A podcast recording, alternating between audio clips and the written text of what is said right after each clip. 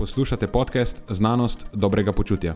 To je oddaja, v kateri odkrivamo, kako lahko znanost pomaga izboljšati vaše počutje in kako kritično razmišljanje omogoča sprejemanje dobrih odločitev na področju zdravja in fitnesa.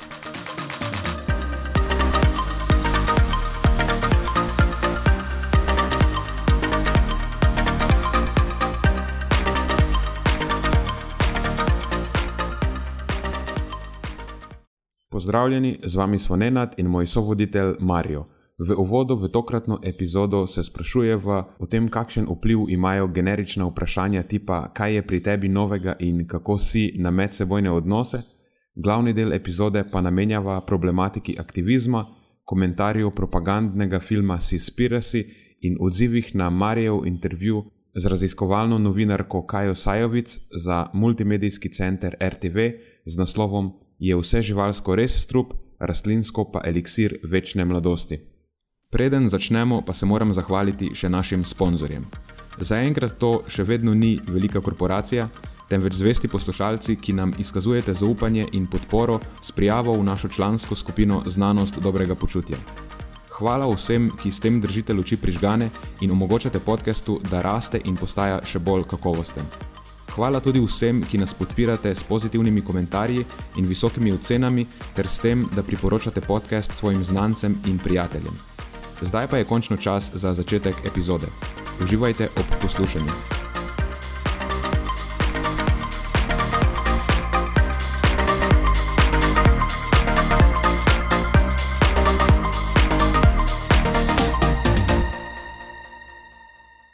Pa bo bil podcast dejansko uh, dve uri pa pol dolg. Vse v redu je to. A to je v redu, ok. Ja, pa je, da je lahko... dlje traja, boljše je. A res to se dobo feedback? Pogosto. Deset minut sva zdaj že spustila, ni bilo posneto, ampak Marijo se je vtaknil v to, da sem zadnjič Matjaža malo, uh, kako bo temu rekla? Pa malo si ga bukvalno tako, a veš, prav bukvalno si ga tako poravnal. Pride, Matjaš pride, kaj je tako navdušen kužak, je tako nite videl sto let in zdaj on skače od veselja. To je zdaj prvi podcast po tako res dolgem času. In tako zdaj Matjaš pride, prva stvar, ki reče, vete. In kaj je pri tebi, kaj noge, in ena dono gladko, šalna zleve, to se ne sprašuje, to je brezvedno vprašanje. tako res zasmil se ti človek. Ne? Ne, tukaj manjka malo konteksta. Mi dva, prvič, ni res, da me ni videl pol leta, videla sva se dobesedno pred dvema urama, predtem so to začela snemati. Tako hecam, se pretiravam, pretiravam. Ena, to, da, no, se, no, da pojasnim kontekst, pusti mi zdaj, prosim, da pojasnim kontekst. Plus, nisva glih začela takrat snemati, ampak sva že predtem se pogovarjala vsaj nekaj 10-20 minut, tako da mogoče izpade malo ostro. Je pa dejstvo, eh, kot pravi Marijo, da sem bukvalista, se temu reče. Vse stvari jemljem preveč dobesedno mogoče nekdo temu reče napaka, ampak jaz to vidim kot prednost. Ker mene, ko nekdo vpraša, kaj je pri tebi novega, potem resno razmišljam o tem in mu želim biti čist transparenten in mu povedati, kaj je novega, ker predpostavljam, da me to zanima.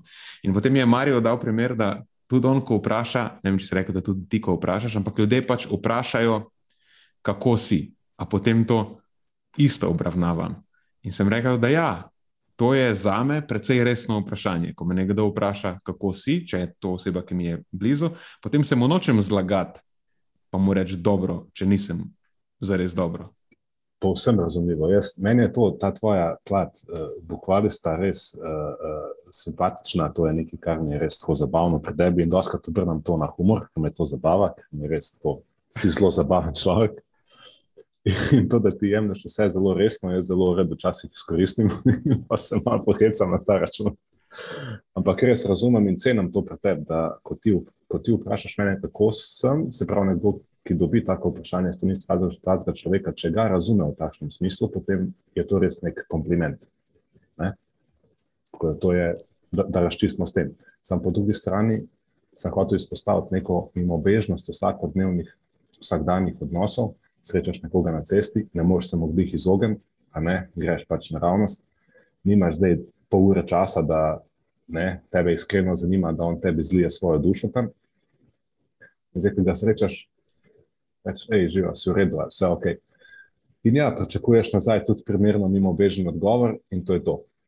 Uh, in to je nek način, kako tak nek socialni konsens. In jaz razumem, da se ti s tem ne strinjaš, zato ker je tvoj point, da moramo biti malo bolj uh, kritični uh, in pozorni na to, kako se obnašamo, kakšne vprašanja postavljamo, da smo malo bolj premišljeni v vsem tem. To je dejansko cel tvoj štik, da poskušaš uh, to komunicirati skozi podcast, uh, imaš to neko, neko doslednost v tem, da demo postavlja boljše vprašanja, da demo razmišljati malo o tem, kako, uh, kako komuniciramo kakšne ima to posledice, in to evo, se prenaša tudi na vsakodnevne odnose, to mi je zelo všeč. Imam eno repliko ali pa drugo perspektivo. Mislim, da to nekoga srečaš na cesti, nimaš glih za dosti časa za njega, pa ga površno vprašaš, kako si, ker pričakuješ, da se ti bo zlagal nazaj, da dobro sem, v redu, ajde čau, pa da lahko greš naprej. Je površno, mislim, da ne rabimo biti toliko površni, obstajajo bolj elegantne rešitve. Najprej, Jaz, ko nekoga vprašam, kako si, meni se zdi to zelo pomembno vprašanje, ker jaz pričakujem, da mi bo povedal resnično, kako je, in sem pripravljen poslušati potem ga pet minut, kako je, ker to je za me pomembna informacija, kako potem lahko nadaljujem interakcijo z njim. Ker če je dobro, bom izbiral besede drugače, se pogovarjal z njim o drugih stvareh, kot če je recimo slabše, probam potem svoj odnos do njega prilagajati, tako da bo ta cela interakcija bolj prijetna. Razumem, da včasih, ko ga srečaš na cesti, pa nimaš časa ga poslušati pet minut, kako je, pa potem nadaljevati pogovor, ampak v tem primeru mu rečeš: hej, čau, nimam dost časa, sem hotel sem te pozdraviti, hitim naprej, lahko se ujameva enkrat naslednjič, da se malo pogovoriva, tralala, adijo. Ja. Ne rabiš ga zavajati, da te ful zanima, kako je, pa da se polon mora tebi nazaj lagati. Mislim, da že v štartu potem to. Ja če to postane navada, potem samo se navadimo, da en drugemu lažemo, in ni dobro za transparentnost v naših odnosih. To, to je moje videnje. To je zdaj zelo zanimiva hipoteza. Ja, to je moja hipoteza. In namenoma nisem rekel teorija. ja, absolutno, pravilno. Ampak mi je všeč ta hipoteza. Uh, je pa res, da. Um, večina ljudi ne funkcionira, ne razmišlja tako, ker je ta, nek, neka, ta neka bela laž, da bi temu rekel, tako je sprejeta kot nek, nek družbeni konsens in nihče ne, ne, ne dojema tega, kot da uh, si lažemo. Uh, s tem, da dvomim, da se bo to dejansko spremenilo. Uh, bi bilo zanimivo, če bi se. Um, ampak uh, lahko pa preseb poskušaš en ta. Uh, Enkrat v bodoče, narediti nekaj takega, se mi zdi, da bi bilo zelo zanimivo. Jaz vem, da bom imel, meni se da zdaj idejo, kako bom zdaj v nekih a, interakcijah, ki se mi zgodijo, mimo grede, predvsej pogosto, ko grem ven, tako kdo te kje sreča. Um, pa niti ne veš točno, kje film bi te dal. Ne? Pa potem, hej, živijo, živijo, no, vse v redu, vse ok. Tako čist, ne, in, a veš, čist impulzivno pride iz tebe, uh, da bom izbiral drugače na sebe. Je pa res, da to zahteva od človeka, da je v različnih situacijah tudi čist mimo bežnih situacijah zelo uh, priseben. Ali je to pravo beseda? Mindful, uh, ja, rečemo temu angliži. Ja, ja no, priseben. Jaz bi rekel priseben. Prisoten. Uh, prisoten v tistem trenutku in da se v danem trenutku primerno odzove, kar je kar precejšen, uh, precejšen odgovornost, glede na to, kaj vse ljudje počnemo in da nam vse situacije niso enako pomembne. In ne vem, ali kaj ti misliš, a dejansko lahko, pa je to realno biti sposoben v zate pomembnejših in manj pomembnih situacijah uh, imeti to neprisotnost, presebnost, prepol. Ali je to energijsko gledano realno izvedljivo? Glede na to, kako ljudje delegiramo energijo in svojo pozornost, in koliko smo včasih na avtopilotu, in koliko smo včasih dejansko on. In dobro, jaz sem predstavil nek ekstrem ideala, nekaj takega, kako bi bilo, po moje, idealno funkcionirati jaz z vsemi. Razumem, da to vedno ni izvedljivo, pa da včasih si v malo slabšem stanju, pa ti ne uspe vzdrževati vseh standardov, ampak recimo, da je to nekaj, k čemer stremimo. Pa tudi najbrž je stvar naših prioritet. Če medosebne odnose smatramo kot nekaj, kar nam je visoko na lestvici prioritet, potem pač v to delegiramo več energije. Če to ni nekaj, kar nam je pomembno, potem zakaj bi se. Ne? Vse bottom line se mi zdi, da je tvoj, tvoj point, pod, če, pod, ne, če ga poskušam povzeti, predvsej dobro, pozitivno sporočilo. Ne sprašuj, kako si, če te ne zanima. Ja, to je točno moj point. In postavi vprašanje, kako si, če te dejansko zanima, in temu pol posveti pozornost. Če te ne zanima, se imaš milijon besed v slovenskem jeziku, uporabi druge. Ne dajati povoda ljudem, da si mislijo, da te ful zanimajo, pa da jim veliko pomeniš, če to ni res. Ja, če povzamemo tako ta uvod, res. Tisti moj, moja replika je šla bolj v to smer, koliko energije zahteva to od posameznika, ki se je navadil na nek način komunikacije, da se zdaj od tega odvadi, da je v nekih um, naključnih situacijah uh mhm. -huh. toliko bolj pozoren. Ampak mogoče se lahko začne v nekih drugih situacijah, ki so mu bolj, nekih odnosih, ki so mu bolj pomembni, pa se tam trenira. Dejansko, ko vprašaš svojo partnerko doma, pa partnerja, ne, da se tam začne, da mu postaviš vprašanje in dejansko storiš za tem vprašanjem, ne pa da mu postaviš vprašanje, pa že razmišljaš o šesti stvari, pa čakaš, da odgovori, pa da gremo dalje. Sprav, mogoče lahko začnemo to trenirati um, tam, kjer nam je že naravno in bolj udobno, in potem prenašamo ta vzorec uh, širše, vedno širše in širše, in ga tako poskušamo, poskušamo prepisovati. Absolutno se strinjam ker je zelo podobno kot vse ostale veščine, ki se jih želimo priučiti. Tudi pri nas, pri prehrani, funkcioniramo tako. In bil si navaden na nek način, vidiš, da to se ne sklada s tvojimi vrednotami, pa s cilji, ki jih imaš v življenju zase, pa ne, mogoče za ljudi okoli sebe. In če želiš to spremeniti na boljše, moraš spremeniti svoje veščine, pa način funkcioniranja, navade, ki jih imaš. In ja, na začetku moraš bistveno več pozornosti namenjati temu. Se tudi meni se zgodi, da se ujamem v impuls, kako si, ker si hočemo olajšati zadevo. Vse to je funkcija navad. Naši možgani funkcionirajo tako, da si prihranijo energijo. In nekaj časa traja, da to navado spremeniš. Ampak spet, če ti je pomembno, potem boš to veščino vadil, dokler ne postane neka nova normala zate, da ti pride v navado da postane del tvoje identitete, kot pravi, kaj je James Clear. Uh mhm. -huh. A to bi habits. Ja. Se pravi, zdaj pa zanimiva stvar. Prva, nisem prej sploh razmišljal tako, ne, da v bistvu smo vaj, večina naših odnosov, mogoče tekom ne, poteka našega dneva, tedna, je z ljudmi, ki so nam mejno pomembni. Ne, so pomembni za en aspekt našega življenja, našega bivanja, našega uspeha. In zato, ker smo vajeni z njimi površno komunicirati, potem v našem najbolj intimnem okolju, prenašamo te površne prakse. In uh, je zato lahko mogoče komunikacija na najbolj intimnem nivoju otežkočena. In zdaj v bistvu izzivamo, da ne, želimo to spremeniti. Poskušamo zdaj izhajati iz tega, da delamo na ne, iskreni komunikaciji z pomembnimi ljudmi, in uh, da, da izhajamo iz osebnih uh, odnosov, ki so nam bolj pomembni, in da potem iz tega ven poskušamo prenesti neke prakse. Uh, zanimivo, evo, če ne drugemu, si pa dal meni nekaj za misel, da bom uh, tako pristopil. Uh, evo, začenši z nami v tej komunikaciji. Danes sem bil izjemno uh, prisoten in priseben. Uh, da, Nisem niti pričakoval drugače.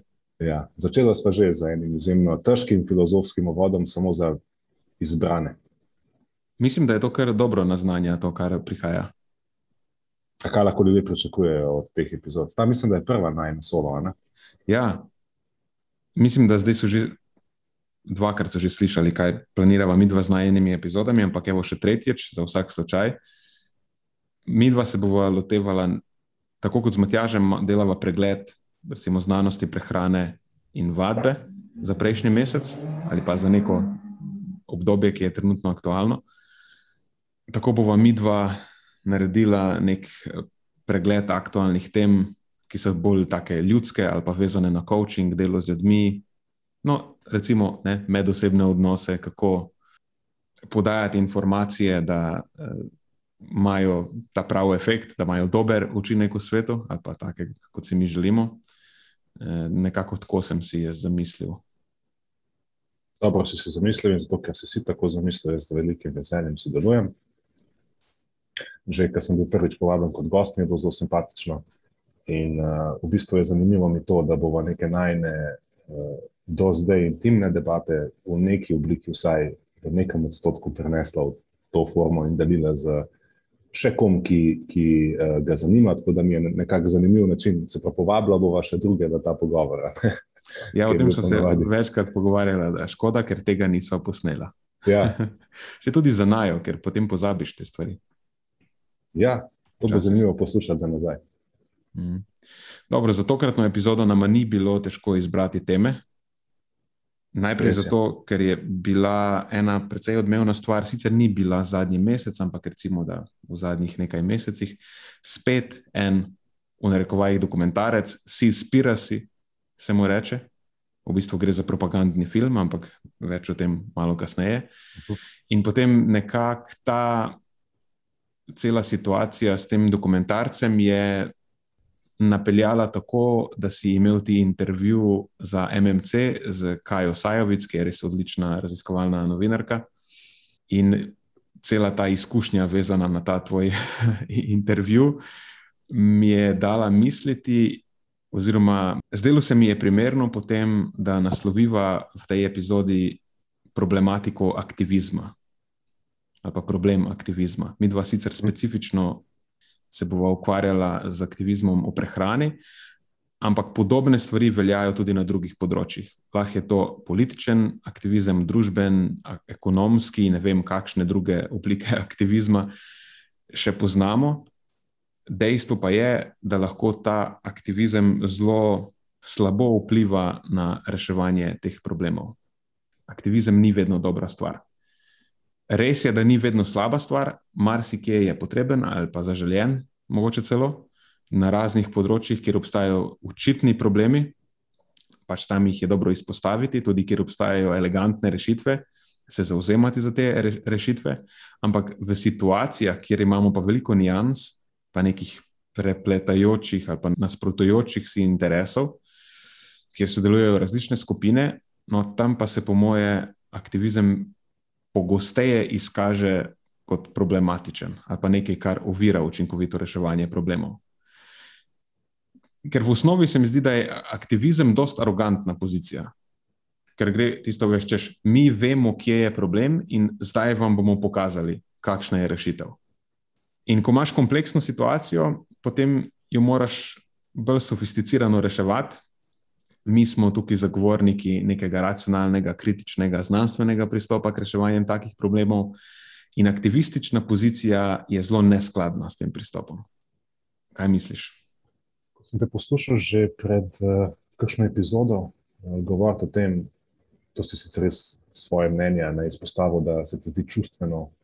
Odločanje, oziroma odločanje na podlagi čustev, impulzivno odločanje, redko kdaj koristno, da redko obrodi neke sadove, ki so dejansko bili zaželjeni, in si pozval k temu, da poskušamo narediti ta nek buffer, ta nek blažilec vmes, ne, ta preskok, kako lahko sprejemamo bolj um, racionalne odločitve, razumske.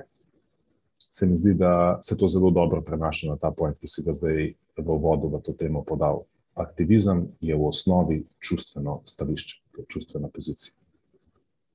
Se pravi, ti si zdaj um, na nekem drugem nivoju, kot racionalnem, si poklican, ne, zato da se z nečim poistovetiš, da nekaj braniš in tudi gledaš za zelo omejene perspektive. In spet, če se vrnem nazaj, če je tvoja pozicija do neke teme iz, v večji meri čustvena, kako potem lahko pričakujemo, da bo um, rešitev lahko racionalno sprejemljiva. Tako da vidim tukaj, uh, da si na to cilju, se mi zdi, jaz sem prav povezal oboje. Uh mhm. -huh. Sicer se mi ne zdi nujno, da je aktivizem vedno čustvena pozicija, je pa, mislim, da po pravilu čustvena pozicija, tako kot že rečeno, na nekih kompleksnih področjih, ki ne obstajajo zelo jasni zaključki ali pa kjer ni nekega konsenza še. Ker če hočeš ti na področju, kjer so stvari zelo nejasne, postaviti neko dokončno trditev, potem jo ne moreš drugače kot na podlagi lastnih prepričanj in nekih bajasov. Pa tudi nisem prepričan, da je s tem, da je dejansko nek vzgib za neko spremembo čustven in narobe, pa vse. Zdi se mi, da je to v redu, da je normalno, da neko energijo, mogoče neko začetno iskro, da se te nekaj dotakne, da, da, da, da ne, narediš neko spremembo. Mogoče ljudje nismo biti mogoče, da bomo na osnovi racionalizacij dobili nek zagon za spremembo. Zdi se mi, da je ta nek začetni zagon za spremembo morda močnejši, če zadane neko čustvo, neko stanje. Ampak kaj pa sledi? Vse doskrat je aktivizem baziran na nekih vrednotah, je neka moralna mhm. nota ozadej. Recimo, gledal sem pred kratkim dokumentarec, mislim, da je uh, od PBS-a Nova, Picture a Scientist, se mu reče, in govori o tej problematiki.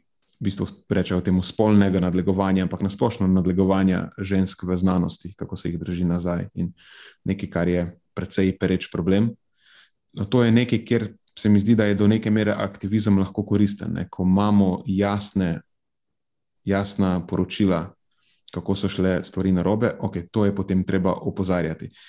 In zakaj smo se odločili na to opozarjati? Zato, ker se nam v trenutni družbi, v, v kateri živimo, so vrednote take. Ne? To ni nekaj, kar smatramo kot sprejemljivo, da se tam nek vodja laboratorija znaša nad svojo doktorantko na različne načine. To je absolutno nesprejemljivo. Tako da bazira na neki, v tem primeru, na neki vrednoti, ima neko moralno bazo, ampak vseeno je, veš, to je nekaj, proti čemer se zauzemamo, vsi vemo, da je tako, oziroma zelo jasno je. Ne dočim, potem imaš pa druga področja, ki so precej več bolj ohlapna, kjer obstajajo različna nasprotujoča si mnenja, eni so za to, eni so za tisto. Če sto oseb na ulici vprašaš, Ej, a se tebi zdi prav, da moški vodje nadlegujejo svoje ženske podrejene? Ali pa obratno, se nima veze, v bistvu, ker je spol. Ampak sem, da a se ti zdi prav, da vodje nadlegujejo podrejene, ker mogoče niti ni stvar spola, ampak hierarhije, kakorkoli. Verjamem, da ti 95 bo reklo, ne, ni prav. Ne, to je torej nekaj, s čimer se nas večina strinja. Po drugi strani, če jih pa vprašaš, hej, kaj pa ti misliš, ali moramo jesti meso ali ne, ali pa kaj pa ti misliš o globalnem segrevanju, lej, zna biti, da boš dobil kup različnih odgovorov. In zna biti, da boš dobil par zelo močnih stališč, ampak ta stališča, če bodo zelo močna v temi, o kateri ni konsenza, na čem so potem utemeljena? Samo na podlagi nekih lastnih vrednot, pa prepričanj, ki so očitno neskladna z večino drugih. Ja. Ne, tukaj pa potem aktivizem odpove, se mi zdi. Da, po moje, lahko kar konkretno se začnemo ukvarjati s tem, kar imamo na pladnju, da ne, ne preveč ne mhm. filozofiramo. Jaz bi da najprej predelava na hitrico ta dokumentarec, si spirasi, kako ga mi dva vidiva, kako ga postavljamo v kontekst vseh ostalih eh, dokumentarcev. Mogoče eno stvar, preden hotel sem to že na začetku povedati. Poslušal sem včeraj glih intervju z Jonmi Park, to je ena defektorka, kako bi temu rekli, iz Severne Koreje, prebežnica. Prebegnila je iz Severne Koreje, zdaj je borka za človekove pravice, pred kratkim je izdala tudi knjigo In Order to Live. In pač razlaga o svojih izkušnjah v Severni Koreji, tam je odraščala, pa o tem, kako je pobegnila. Mislim, to, to je res zgodba, ki meji na groteskno. V glavnem, ponudi tekom tega intervjuja par zanimivih perspektiv, in ena je povezana z našim odnosom do hrane. In to mi je bilo, ja, točno si zadela, javno mi. Razlaga, kako je v Severni Koreji več kot 10 milijonov ljudi izstradanih, trpijo, živijo v peklenski lakoti, dobesedno kanibalizirajo svoje otroke, pomeni, da so tako lačni, da jejo svoje otroke. To so njene besede. Ženska že večja je bila tam najbrž, predvidevam. In potem predstavi še eno anegdoto nekega modela, ki je uspel sicer pobegniti čez mejo, ampak ga, niso ga ujeli vmes, mislim, da so ga ustrelili v trebuh ali nekaj takega. V glavnem, imel je prestreljen ali ranjen trebuh in samo te gat je ona rekla, pač vsebina trebuha mu je visela ven. In prva stvar, ko so ga na drugi strani meje sprejeli, je bila, da je prosil za hrano. Mislim, da ni smešno, je groteskno. Kako morajo biti tam lačni? In potem je ona rekla, da je ena izmed stvari, ko je prišla sem, v, mislim, ne sem, ampak pač v ZDA, kjer živi zdaj, ni mogla doumeti, kako lahko tukaj v razvitem svetu si vsakodnevno jemljemo pravico in se zmrdujemo nad prehranskimi izbirami in hrano izrabljamo kot orodje za izpolnjevanje vseh sort drugih agent, ekonomskih, političnih, kakršnih koli. In ob tem pa pozabimo prvič biti hvaležni za to, kar imamo, doskrat, ali pa celo hrano uporabljamo kot za vse ostalo, samo za zadovoljevanje naših prehranskih potreb. Tako da je res na, nekako narobe, narobe svet. Je še zmeraj globalno gledano, kup ljudi trpijo lakoto, mi pa še zmeraj lahko cepimo o tem, pa gledamo okrožnike drugih. Pa ne samo, da gledamo okrožnike drugih, ampak dejansko obsojamo njihove izbire. Ne? Dejansko mislimo, da vemo, kaj je tisto, kar bi oni mogli zbrati za voljo te ali tiste agende. Moja mama bi rekla temu sine, spolno ritijo, si je lahko, ja. zmi, si je lahko zmišljati. Ja. In to je ena izmed teh stvari, ki jih uh, pogosto poskušam, v, nekaj si napeljal na tiste MMC članke. Zelo pogosto sem poskušal na komentarje odgovarjati z te perspektive, kako lahko nastopaš v odgovoru ali v neki poziciji, tako oskogledno, ne, tako zaverovano v neke svoje izbire, ki so zate. Te, zate so ok, tebi grejo čez, ti si jih lahko prvoščeš, znotraj tvojega uh, sistema vrednot je to sprejemljivo in izvedljivo. Imaš te možnosti, si recimo dovolj privilegiran, ali pa da ne uporabim te besede, da ne bo kdo užaljen, si v poziciji, kjer lahko izbereš. In zdaj govoriš, gen, generaliziraš v svojih naukih, govoriš vsem, vključujoč tistim, ki niso v tej isti poziciji, in na katere vplivajo neki drugi dejavniki, ki se zelo dobro izpostavijo v, tej, eh, v tej zgodbi.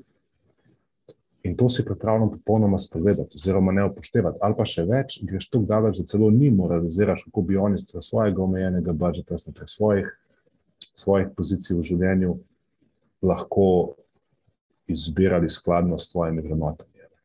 Ja, ali se je zelenjava v trgovini, je tudi ful pocen. Tok enih stvari si pripravljen zanemariti, samo da bi podprl um, tisto, kar je v tvoji situaciji um, spremljivo in za kar si se ti odločil. In to se mi zdi tako, um, tako pa da je hinavsko, lahko rečemo, res se mi mhm. zdi hinavsko. Hinavsko, pa če ne celo zlobno, oziroma posebno neempatično.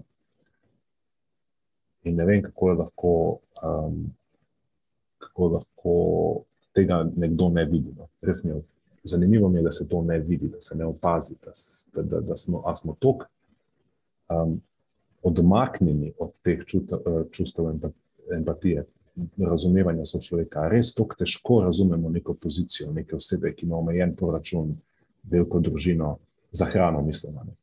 In, in bo posledično primorana izbirati drugače, kot pa nekdo drug, ki ima bistveno manj omejen proračun, ali pa je pripravljen sprejeti neke kompromise, um, zato da podpira svoje izbire.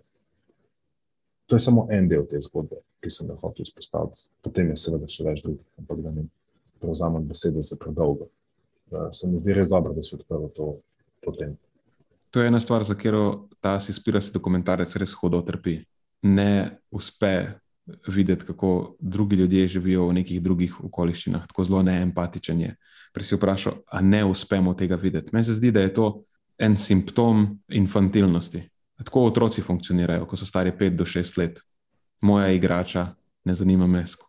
Veš, tudi če imaš 10 mhm. avtkov, pa nas je 5, pa bom jaz pobral vseh 10, da se bom lahko igral z njimi. Se mi zdi, da je to simptom ne nekega zaostalosti v razvoju, bi lahko rekla ker razvita oseba, ki je dobro socializirana, načeloma, potem je lahko empatična do drugih. In tudi Kaja v svojem članku, se ta članek bova potem prilepila uh mhm. med show notes, to je, ne bova se specifično ukvarjala z napakami. Ali pa s nekim debunkanjem tega, si spira se dokumentarca, ker je Kaja napisala res izvrsten članek, boljši kot bi ga lahko mi napisali, ki upošteva čim več nijans, pa tudi navaja Eh, poglede nekih drugih strani, dejansko pravih strokovnjakov, rečemo temu. Članko je naslov Krvavi škampi in mreže duhov, je veganstvo res edina rešitev za oceane. In ona povzame to, mislim, da bi se strinjala s tem, kar sem povedal, da je to nek znak nesocializiranosti ali pa neke, neke infantilnosti, ker napiše, kako ona povzame, kaj je ta dokumentarec. Bom kar, bom kar prebral ta njena dva odstavka. Pravi, Tabrici, to je uh, režiser tega dokumentarca, Sispira Sirije ali Tabrici, ki pri 27 letih kaže nedolžnost in naivnost osnovnošolca, ki je prvič slišal, da sužnje lasništvo ni samo poglavje v zgodovinskih učbenikih in namerava oceane sprva rešiti s telefonskim nadlegovanjem okoliških restauracij, naj se znebijo slamic, nalogi posneti dokumentarni film tako zahtevne tematike absolutno ni dorasel. Fant, ki se je nad delfini navdušil v SeaWorldu in sanjal, da bo, ko odraste, angliška inkarnacija Žaka Kostoja, mimo grede, Žak Kostoj je pionir gibanja za zaščito mori, kako temu rečejo, Marine Conservation, angliži. Uh -huh, uh -huh. Model je pač pravi oceanograf, izumitelj, mornariški časnik. Tako, nekdo, ki se danes ne vem, če sploh še rodi, tako model iz filma in knjige. V glavnem, ne, nekdo, ki želi postati eh, angliška inkarnacija eh, Žaka Kostoja, se snemanja loti, kot bi se lotil kakega šolskega projekta. Z veliko entuzijazma, zgrešenih predstav v svetu, pomanjkanjem znanja. Njegov najpogosteje izrečeni stavek je: Kako to, da še nikdar nisem slišal za to? z nahrbtnikom in pleteno čepico na glavi, čezmernim občutkom lastne pomembnosti, popolnim nepoznavanjem tujih kultur in tradicij ter kompenziranja odsotnosti globine z drdranjem numeričnih analogij, ki užgejo točno samo še pri njegovi generaciji in tistih brez sposobnosti prostorske in merske predstave. Mislim, da to popolnoma povzame ta dokumentarec in to bi lahko dodali na IMDB na mesto zdajšnje predstavitve oziroma opisa dokumentarca, ki pravi: Strasten ljubitelj oceanov se odpravi po svetu, raziskati škodo, ki jo ljudje povzročajo morskim vrstam, in pri tem odkrije skrb o zbojajočo svetovno korupcijo. Aha. Ja, ko sem jaz prebral ta zapis od Kaje, je, eh, ker sem Kajo poznal že sicer odprej, samo to delo pač je bilo res tangentno na naše področje in je kot prvo celoten proces dela spomnil na um, tvoj proces dela, pri, uh, po, uh, za moje pojme, izjemno uh, podobnem dokumentarcu, pač samo druga plat istega kovanca in to je The Game Changers. In uh, sem videl, kako se je nekdo intelektualno lotil tega na nek svoj vrsten način, ampak pod nekim skupnim imenovalcem tvojemu, kar je do znami zelo osvežujoče, ker redko vidiš take prakse drugot. In ta povzetek, ki si ga zdaj prebral, je bil nek povod, tudi, da sem um, se ji zahvalil in jo tudi pohvalil za ta članek. Na kar pa je potem odgovorila, ne vem, sicer nas je poznala odprej, zdelo se mi je, da je vsaj slišala, potem pa je prebrala nekaj našega dela in je ona potem predlagala, če naredimo uh, intervju, ker očitno smo oboji ne, v neki, uh, kako bi rekel, ne, imamo nek vidimo Delimo vrednote. Ja, vidimo nek smisel v tem, da, da neke mite uh, se širijo res kot divji požari, uh, uspemo malo zaeziti.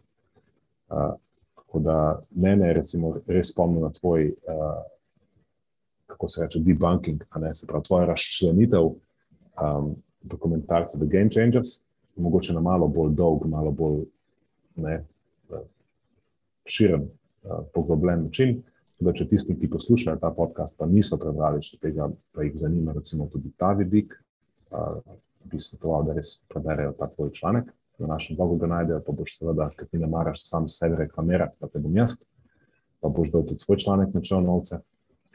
Um, tako da res, ja, me je. A veš, kaj tiskaj poskusiš neko začimbo, vajen si jesti hrano, pa pa za danes neko kus, pa te tako šokira, veš, navdušen si. Tako je bil ta članek od, od kaj je. Uh, za me, ki sem ga prebral, a si ga celo ti, ali kdo je šeril. In um, ja, no, tako da to je. To je odličen povzetek tega dela, in pri meni je najbolj, najbolj me spomnilo, veš, na kaj. Spomnilo me je na, prečasno sem imel en kratek zapis o tej Dunning-Kruger krivulji, ta Dunning-Kruger fenomen. Imel sem občutek, da je to oseba, ki je res na vrhu te uh, gore norosti, ne, Se tukaj lahko pri tem Dani Krugerju lahko tudi kaj poveva. Enkrat, enkrat, enkrat drugič, ampak ja, razumem, ja, na vrhu gore. Ta, ki snema te, dokumentarec, je na vrhu ta, gore. Snema, ja, tako, no. Sej, ne, da ne bi zdaj, to ni neka taka stvar, ta Dani Kruger fenomen, ki se vedno v vseh situacijah prenaša univerzalno, pa seveda je samo nek poskus opisa, kako nekaj lahko poteka. In meni se je zdelo, da je v tem primeru za delo, kako ta stvar poteka. Nekdo pride na neko področje dela, nekaj ga zadane, nekaj se mu zdi zanimivo, in on zdaj pač to potrjuje in potrjuje, in si podpira to zgodbo, in gre globije in globije, in se uči nekih faktov, ki nimajo nobenega smisla v širšem kontekstu, ne upošteva ogromno nijans, celo zanemarja tiste nijanse, ki tega njegovega stališča ne podpirajo. In to je nekaj, kar pa lahko rečem, da smo vajeni gledati na nam, bliže, nam, nam bližjem področju ne, prehrane, praktično vsakodnevno. Ne.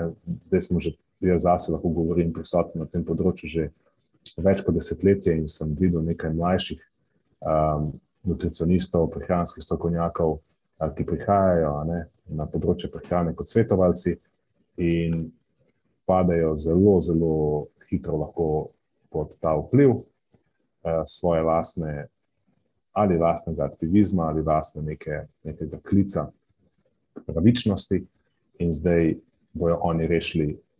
Oni so zdaj ugotovili, kaj je problem prehrane. Oni zdaj razumejo vse. Zdaj jim je jasno, ali to moš nekaj treba jesti, moš nekaj meso jesti, moš ne vem, neke posebne stvari kombinirati, moš hormone uravnati. Nekaj moš narediti, oni jim je zdaj jasno. In zdaj komunicirajo z, te, z tega stališča, kar je zelo problematično. In samo mislim, da ljudi še dodatno cepi, uh, nekatere seveda navduši, ampak ugotovijo, da v praksi tega ne zmorejo, drugi je to čist njim, pa pa rečejo, da je to, ne, to ni. In ne vem, zdi se mi, da zgubljamo mi kot uh, stroka neko kredibilnost v očeh ljudi, in to mene osebno najbolj boli, ker mi ne moremo pomagati nikomu, če nam, če, če nam ta oseba ne zaupa. Ne, mo, ne moš pomagati človeku na področju prehrane, če ti on ne zaupa. Nimaš te šanse, ker je prehrana preveč osebna. To ni zamenjati, ne vem, um, olje na avto ali pa res servis. To, veš, to je nekaj, kar lahko narediš Ampak mi smo, na, naše področje dela zahteva neko sodelovanje, neko zaupanje, neko, ne, neko intimno v odnosu. In to ne moramo vzpostaviti, če imajo ljudje do nas že v perspektivi, ko se predstaviš kot prehranski strokovnjak, prehranski svetovalec, trener, kakorkoli že, že po defaultu. Eh, in tako vsakič nekaj drugega, vsak nekaj po svoje, to sploh ne. Sorry, malo sem odpeljal to, ampak vračam že. Ja, ma, malo si zaplaval, ja. v redu je. Eh, kaj si prej govoril, da neko naštevanje teh eh, dejstev, pa um, stvari vzete iz konteksta in tako. Ne samo to, model dejansko laže. Dejst, številke, ki jih navaja, so doskrat, ne vem, odkje sploh. Uh, samo za nek učinek. Mene je najbolj tako padla v oči, lahko rečemo, ko je rekel, vsako uro ubijemo 11.000 do 30.000 morskih psov. Ok, Dajmo narediti matematiko. En dan ima 24 ur, koliko jih pol pobijemo na dan? Recimo, da vzamemo polovično številko. Ni to kmarski šlo. 70 tisoč. Yeah. In pol, koliko ima, a veš, krat sedem, kaj je to pol? 500 tisoč na teden. In koliko jih pol pobijemo na leto? In jih če si ne postavi vprašanje, ja. to sploh ne drži vode. Sploh, In v dveh letih jih pobijemo koliko? Za sedem planetov so... Zemlje. Ja, pol na koncu dobiš. milijarde na koncu dobiš ven. Več morskih psov, kot ljudi. Ne verjamem, da toliko morskih psov sploh obstaja. Uh, no, in vse kupenih drugih stvari, ki so bile kasneje potem uh, debankane. Vse skupaj je, tako kot praviš, zelo podobno je, ali pa ponovitev epizode je s tistim veganskim uh, propagandnim filmom The Game Changers. Mislim, da res nima smisla debankati spet vsake točke posebej. Uh, v principu vsi oni uporabljajo zelo podobne taktike zavajanja, pač specifike so drugačne, odvisno od tematike, ki jo naslavljajo, ali pa od področja, na katerem poskušajo biti aktivisti. Uh, in mislim, da so to situacije, na kere se popolnoma aplicira tisti rek, uh, isto sranje, drugo pakovanje. Mhm. Ker recimo The Game Changers so se ukvarjali z prehrano, pa vplivom prehrane na zdravje, uh, si spira si se ukvarja predvsem z nekimi okoljevarstvenimi vidiki, pa družbenimi vidiki, tako da to je razlika, ne zanima jih toliko prehrana. Na koncu sicer povabijo tistega uh, Michaela Gregerja, ki je, mislim, koga drugega, ne, vegan cherry picker extraordinaire. Ne vem, če je kdaj že kako objektivno izjavo podal v življenju, in tudi tukaj želi zagovarjati argument, da če ne uživaš rib, dejansko ne izgubljaš iz prehrane ničesar drugega kot okoljskih onesnaževalcev. Tako, a res, v ribah ni ničesar drugega koristnega kot okoljski onesnaževalci. Mislim, ker kjerkoli v literaturi se pojavijo ribe, so izidi boljši ali pa vsaj neutralni. Pa še to si rekel zdaj, ne? Ne, že neutralni je v veliki manjšini. Je, tisto, je tisto prvo bi rekel, da je bolj prevalentno. Ne, če pogledaš, danes, še, še dan danes, vedno znova, ko te poslušam, ker razla- razlagaš o omega-3, pa vplivih omega-3, pa nekih stvari, se ti zdi, da razumeš, na kaj vse vpliva, pa vedno znova sem presenečen, ne, kje vse imajo maščobe omega-3 vplive na naše zdravje. Uh, na zadnje si govoril o um, zaščiti pred uh, ne, okoljskimi uh, onesnaževalci, ne, razni Mhm. mm. delci v zraku, ki so lahko problematični za naše zdravje, pa spet vpliv omega-3 na to. In ko pogledaš prehranski, prehrans, kje se omega-3 v prehrani nahajajo in kakšne živila mi praviloma uživamo, pol prije do nekega popolnega ne- neskladja, kajti ne pač omega-3 so v ribah praktično izključno prisotne, če zanemarimo ne, možgane sesalcev. No, In dejansko, sesalcev. Ja, in dejansko v literaturi trenutno smo že precej blizu nekemu konsenzu, skoraj, da koristi uživanja rib, oziroma vseh tistih snovi, ki so v ribah, ja, omega-3 primarno, odtehtajo kakršno koli obremenjevanje z morebitnimi okoljskimi onesnaževalci, ki so pa itak minimalni, skoraj, če uživamo manjše ribe. In ja. izpostavljamo te ribe kot nekaj, kar je strašno onesnažena hrana, sploh ni res. Ker tudi v kopenskih živali se lahko kopičijo onesnaževalci in pogosto se, tudi v rastlinah, sploh v nekih gomoljih in drugih teh eh, skladiščnih organih. Tako da to ni nobena posebna stvar. Res je, da velike ribe, ki veliko časa živijo v zelo onesnaženih morjih, so lahko ekstra problematične in te pač v njihovo uživanje ods- odsvetujemo, eh, logično. Ampak njegov zaključek je pa res. Lahko narediš tak zaključek samo, če zakoplješ glavo, ne vem, pet metrov pod zemljo. Eno stališče meni osebno je bilo tudi zanimivo, da si ti izpostavil ta citat uh, tega doktorja. ne. Um, meni je bil tudi zanimiv, zanimiva izjava, da trajnostno uh, ribogojništvo ne obstaja. E, To mi je bilo tako, kot, mislim, ne vem, Se to je dejansko ena izmed teh izjav, ki uh, so jo mogli preklicati. a celo to vidiš, tega ne vem. Ja, Ampak, to se je slišal- dogajalo, to se je dogajalo um, da so različni, mislim, da so bio, aha, najdel sem. Ja? No, Biomar je to je nek vodilni proizvajalec trajnostnih krm na svetu.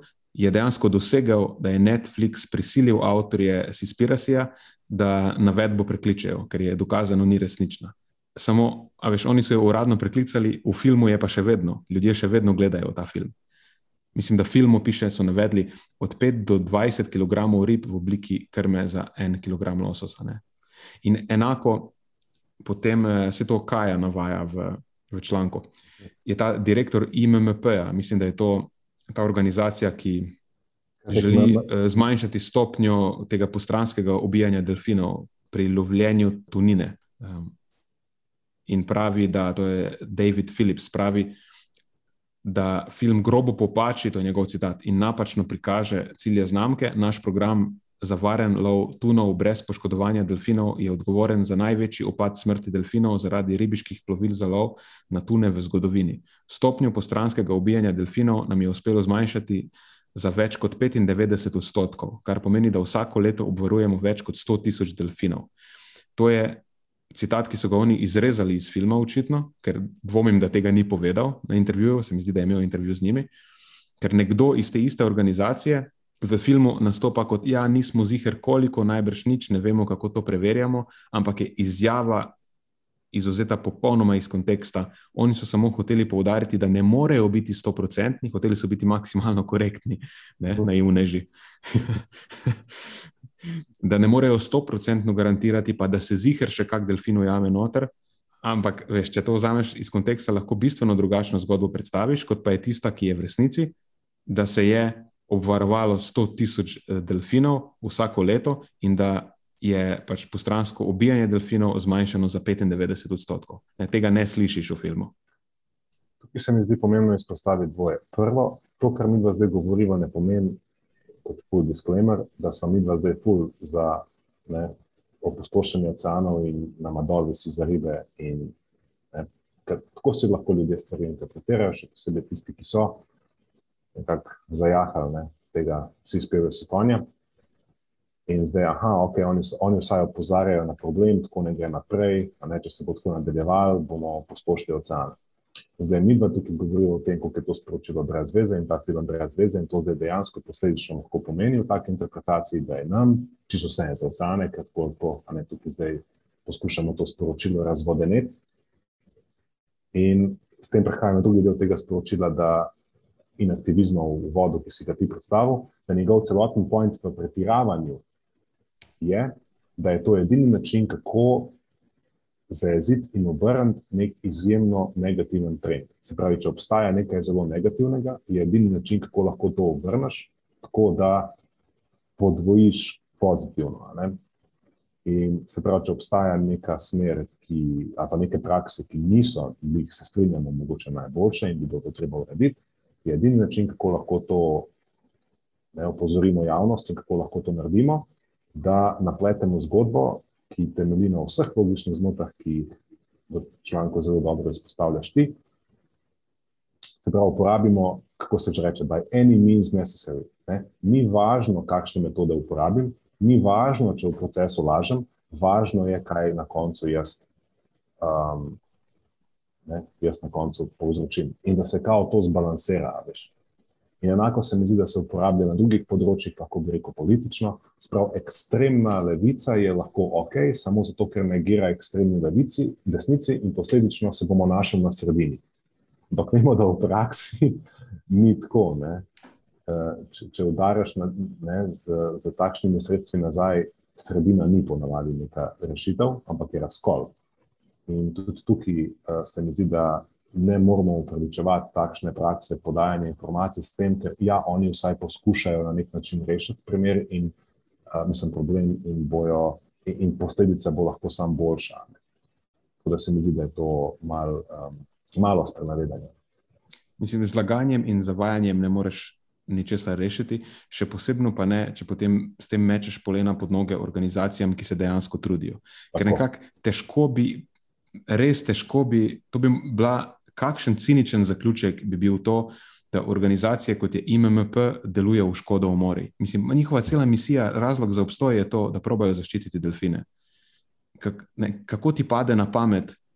To ti lahko pade na pamet samo, če pač vse, če vsako uživanje rib ali pa namigovanje na uživanje rib eh, sprejmeš kot nekaj, kar je absolutno zlobno. Ja. Mislim, da mogoče lahko celo preberem iz članka, je Kaja povzela eh, Daniela Polija, ki je vodja raziskovalnega projekta Sea Around Us na univerzi v tej British Columbiji. In njegovo mnenje je zelo podobno. Ne, z zavajanjem ničesar ne rešiš, dejansko škodiš celi situaciji. In on pravi, da Sicer film izpostavlja pomembno poanto, da je industrijski ribolov prepogosto popolnoma ušel vzvajati, včasih meji že na kriminalno dejavnost, ki jo je treba obrzdati in regulirati, ne, pa pa nadaljuje, da pa prav tako to sporočilo spodkoplje s poplavo neresnic, uporabo vprašljivih tehnik intervjuvanja, antiazijskih krilatic, krivi pa nevladne organizacije, ki skušajo stvari popraviti, namesto da bi odgovornost terjal od industrije in korporacij, ki problem dejansko povzročajo. Še huje, naracijo o uničevanju oceana izkrivi tako, da nas, gledalce po vsem svetu, privede do zaključka, da lahko rešimo ocean samo, če postanemo vegani. S tem si izpira si spodkoplje svojo izjemno potencijalno moč, prepričati ljudi, da bi si skupnimi močmi prizadevali za spremembo politik in pravil, ki bi obrzdala to industrijo, ki vse prepogosto nekaznovano krši zakone. Pauli sklene, da prav zaradi tega si Spirasi dela več škode kot koristi in da bi bil boljši naslov za film Marija Antoaneta gre na morje.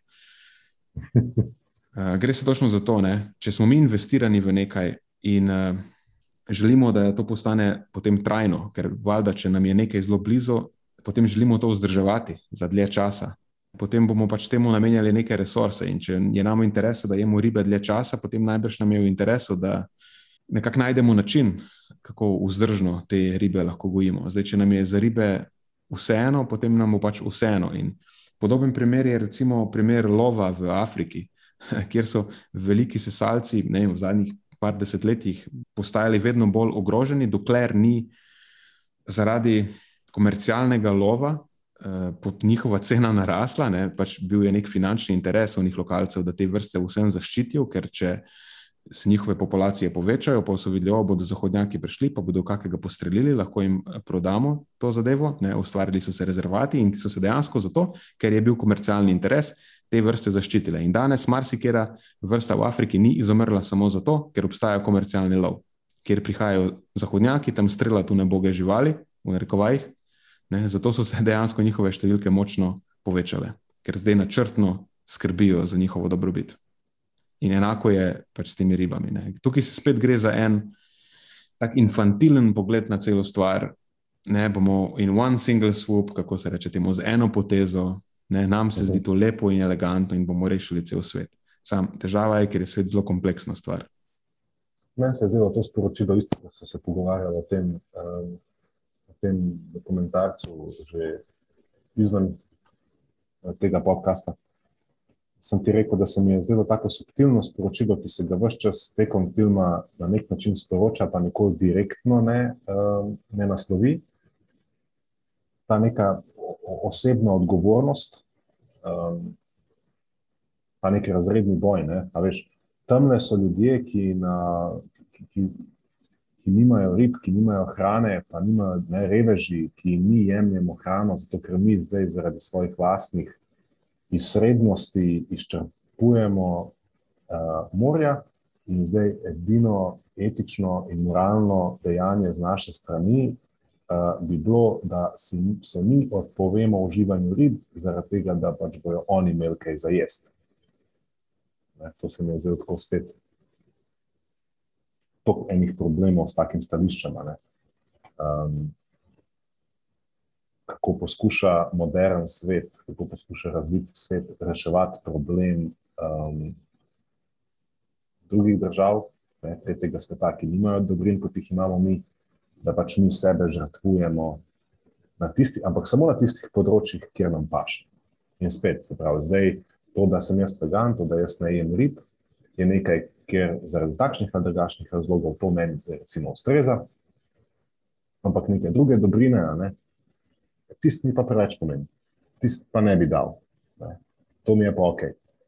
In če se tega zavedam, pol res sem lahko vsaj tih, če se zavedam te svoje neke dvoličnosti, pol sem lahko tih. Najbolj mi je pa res, tako, kako se reče, mind-boggling. Tako res mi je, da pa pol taka oseba dejansko zauzame neko um, javno stališče in pozove druge, naj nehajo jesti rib iz takih iz krivdenih razlogov. In to ponavadi ljudje, ki so izjemno socialno, ne, živijo pač v nekem nadstandardu. In če si opazil, koliko je ljudi potem ta conspiracy od raznih vrhunskih športnikov, atletov, vplivnežev, milijonarjev, poslovnežev, ljudje, ki jim res v življenju gre slabo, se pa pod to pretvezo, ne, da jim revežem pomagati, ne, nagovarjajo množice, ne nehajo, ne se odpovejo ribam. Ne, uh, medtem ko oni pač uživajo v svojem luksuzu, potem spet prenašajo to na, um, na, na množice. Ne. To se mi zdi tako res zelo podobno tistemu, kar si um, govoril v prejšnjem podkastu o Ronaldu, pa sam drugačen problem. Ne. Pač ta neko popolno sprenevedanje Um, Lih, kar sem priletel iz enega konca sveta v Slovenijo in zdaj se spravljam na avion za Tokio, na olimpijske. Tako. Bom vmes še potvital, kako zelo onesnažujejo morja ja. ribiške ladje. Tako, zdaj si v enem stavku povzel to, kar sem jaz hotel reči, sam si ti res tako zabil ta žebo, zdaj direktno. O tem govorim.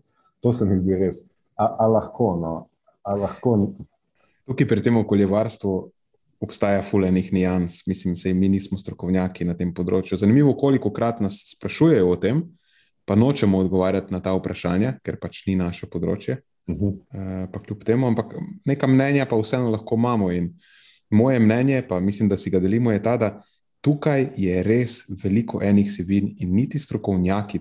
Ki to raziskujejo že ne vem koliko let, se ne morejo o tem strinjati.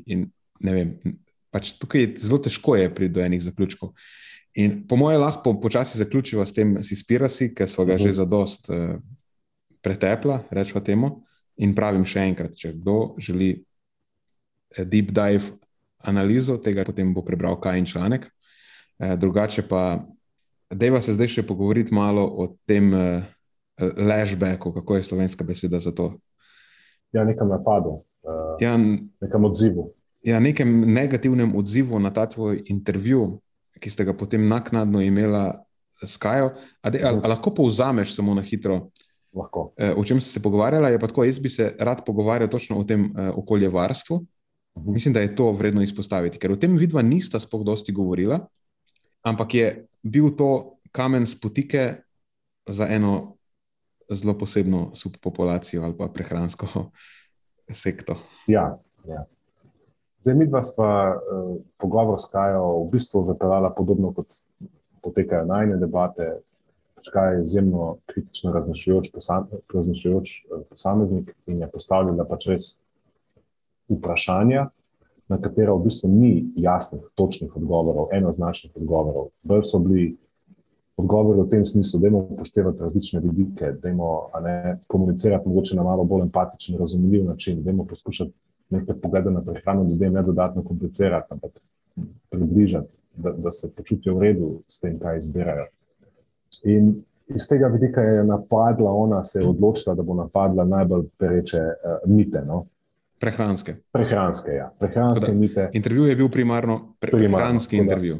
Niti se da, ni nanašal na dokumentarce, niti na okoljevarstvo, primarno na neke prehranske mite in trende. In, in če gre kdo prebrati ta intervju, res za to mero kritičnosti, tudi če mu grem jaz tu na živce ali pa mi, pa da poskuša sam se distancirati od, od mene in od tebe in, in od nje, ampak samo se ukvarja z osebino, bo to postalo zelo jasno. Večji delež intervjuja, več kot tri četrt, je izključno prehranskih osebin ki se ukvarjajo z načini razmišljanja in tudi nekaterimi strokovnimi fakti, uh, vezanimi na prehrano.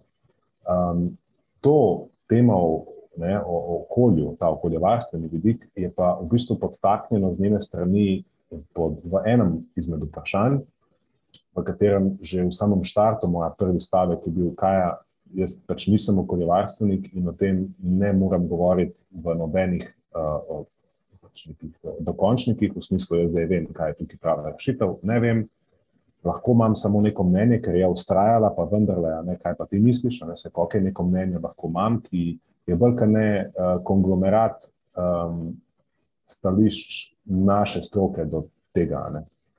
Ker vendarle. Je to nekaj, kar me zanima, o čemer se rad s tabo pogovarjam. Ti si v bistvu v tem še bolj kot jaz, bil še odprej, pa si me o nekih stvareh podučil uh, in pa sem začel biti pozoren na to. In uh, sem samo nekaj res, kaj bi rekel, osnovno abecedo, veš, poskušal podati, nobenih uh, jasnih um, navodil, kakršnih navodil. Uh, in so šla hitro s te teme potem dalje. In kar je bilo zanimivo, je potem, ker uh, so prihajali komentarji, uh, katerih se nekako nisem, res jih je bilo ogromno, no, tega si mogoče ne, ne znajo ljudje predstavljati, ampak. Mene je osebno presenetilo, koliko komentarjev sem dobil v, v spam, na mail, v inbox, na Messenger, na, na, na, na Instagram, v privat, pod avešti request, message request od ljudi, ki jih ne poznam. In večinoma je bilo neko, a veš, ono, kad te nekdo znervira z nečim in potem imaš ti zdaj potrebo čustveno, ne, zdaj se iz, iz, izčistiti, da se boš bolj, da se boš bolj počutil. In to, kar se je zgodilo, se, so bili večinoma, eh, lahko bi rekel, osebe, ki so kupile argumente um, filma Seaspiracy, The Game Changers, uh, določeni uh, aktivisti na različnih področjih, tudi okoljski aktivisti, um, ki so potem um, poskušali predstaviti članek o tem, da le nekdo, ki nima pojma o okolju, pametuje o okolju, pa sploh ne pametuje o okolju, se ne, se ne ponavljam. Želijo so predstaviti ta članek, da se s tem ukvarja, pa se ne. Uh, in tisto, kar mi je bilo zanimivo, je, da kljub temu, da sem v članku bil enako kritičen do ekstremnih prehranskih pristopov, to je zanimivo zdaj. Se pravi, jaz sem omenjal ekstremne prehranske prakse kot nadpomenko. In kot primere teh napomenk, nisem izpostavljal veganstva, zavedajoč se, da v tem primeru gre za ide ideologijo v širšem pomenu. Te, ne, v širšem pomenu je prehrana samo en del tega. ampak veganskega načina prehranevanja in tudi VCHF ter keto in drugih ekstremnih pristopov k prehranjevanju. Zakaj ekstremni? Ne zato, ker se mi zdi sam po sebi tak način prehranevanja ekstremen in to so potem vegani vzeli kot žaljivko, da jaz njim govorim, da so ekstremisti. Govorim zgolj, da je dejstvo, če ti iz svoje prehrane izključiš neko skupino živil in s tem pripadajoča hranila, za katera vemo, da imajo nek pozitiven vpliv na naše zdravje, je pač to ekstremen pristop. Če jaz ne, iz, iz mase 100% vzamem stran več kot 50% ne, razpoložljivih sredstev, je to za me zelo veliko. In enako velja na keto strani, ne, ketogene prehrane, kjer v bistvu je spet druga zgodba, um, druga plat iste zgodbe. In celo izpostavil sem, da je za moje pojme, ti si celo rekel, da je karnivor dieta najbolj ekstremen, najbolj škodljiv primer prehranjevanja, s čimer se v bistvu zares strinjam, ampak nisem izpostavil tega, ker se mi zdi, da javnost tega res ne pozna zelo dobro, pa sem zato izpostavil ketogeno dieto kot dejansko najbolj škodljiv primer prehranevanja. In spomnim se epizode, ki si ti zelo, zelo lepo razdelal, z Matjažem sta lepo razdelala, da je v bitki keto med veganskim načinom prehranevanja, to sploh ni nobena bitka, ker je zmaga že ne, um, precej jasno uh, na strani veganskega načina prehranevanja in prisotnosti rastlinskih živil in tako dalje. Tako da, nihče od nas, ne jaz, nimam tega nekega, a veš, naperjenega stališča proti um, veganskemu načinu prehranevanja, še več opozarjamo ne, v prid vključevanju rastlinskih živil že dlje časa, delamo za veliko uh, vegans, uh, vegani in tudi uh, imamo v oži in, bli, in ne, širši, širšem krogu naše tudi družine, pripadnike. Uh, takšnih ali drugačnih načinov prehranevanja, se pravi, res nismo nobeni privrženci. Ne? Ampak da, je, da potem v komentarjih mi je bilo pa zelo zanimivo, kako so prihajali ven. Um, nih, nihče se ni ukvarjal z osebino, niti en komentar se ni ukvarjal z osebino, ampak so se ukvarjali z etiko, se pravi, odnosom do živali, s tem, koliko se živali pobije vsak dan. Spet, kot se ti govoril, prej o delfinih, o morskih psihah, kar si že govoril. Sploh ni bilo o tem ne govora, o tem, kako mi.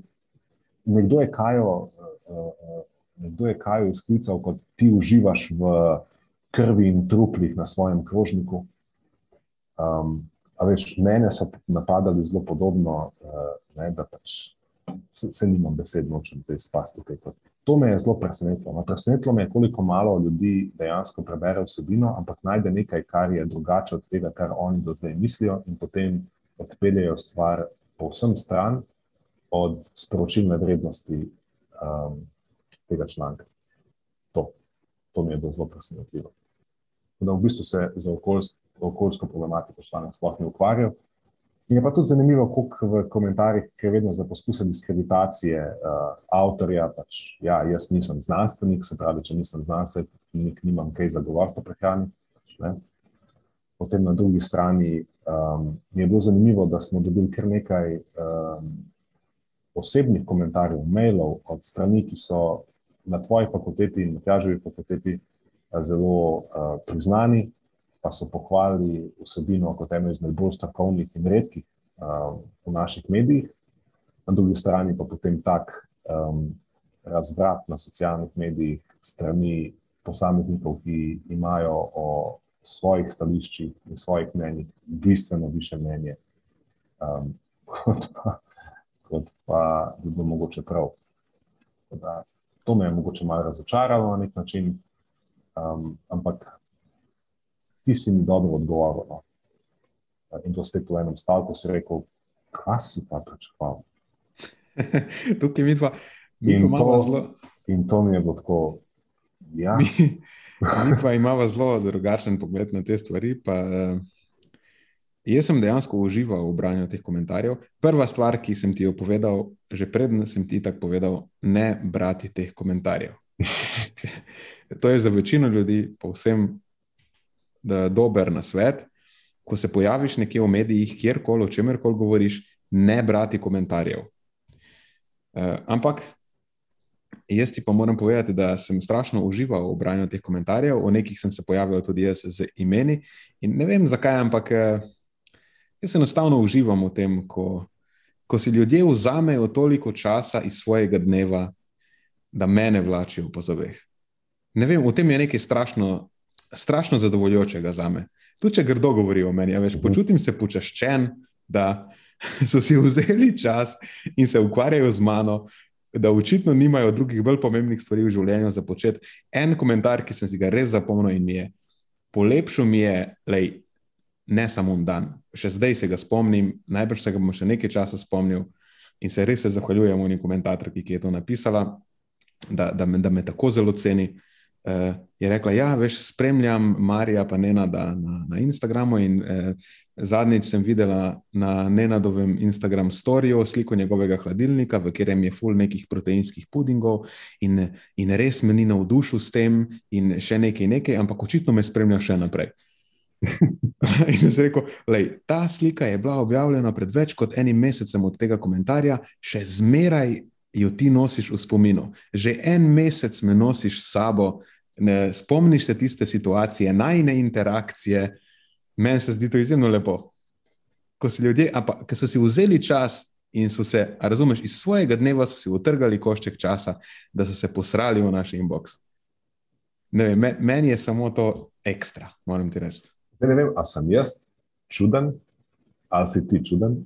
Ja, po mojem, je slednje. Ne, ne, ne bi rad bil uh, narobe razumljen, sam bi hotel slušatelje tega podcasta posvariti pred tem, da si ti posebnaš in da je tvoj odnos do nekaterih stvari um, mogoče tako zelo napreden, tako da bi svetoval, da sledite njenodovim napotkom postopoma.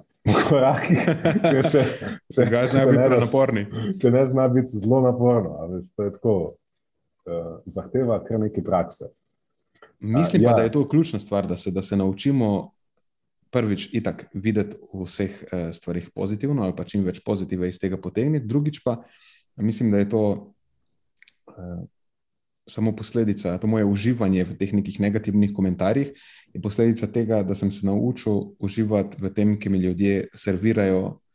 Moje napake zelo direktno, ali pa ki me zelo direktno na nekaj opozarjajo, da to je narobe, to ni prav. Na nek, nekaj, kar bi ljudje bi temu rekli negativizem, ampak glih v teh stvareh jaz vidim največ vrednosti.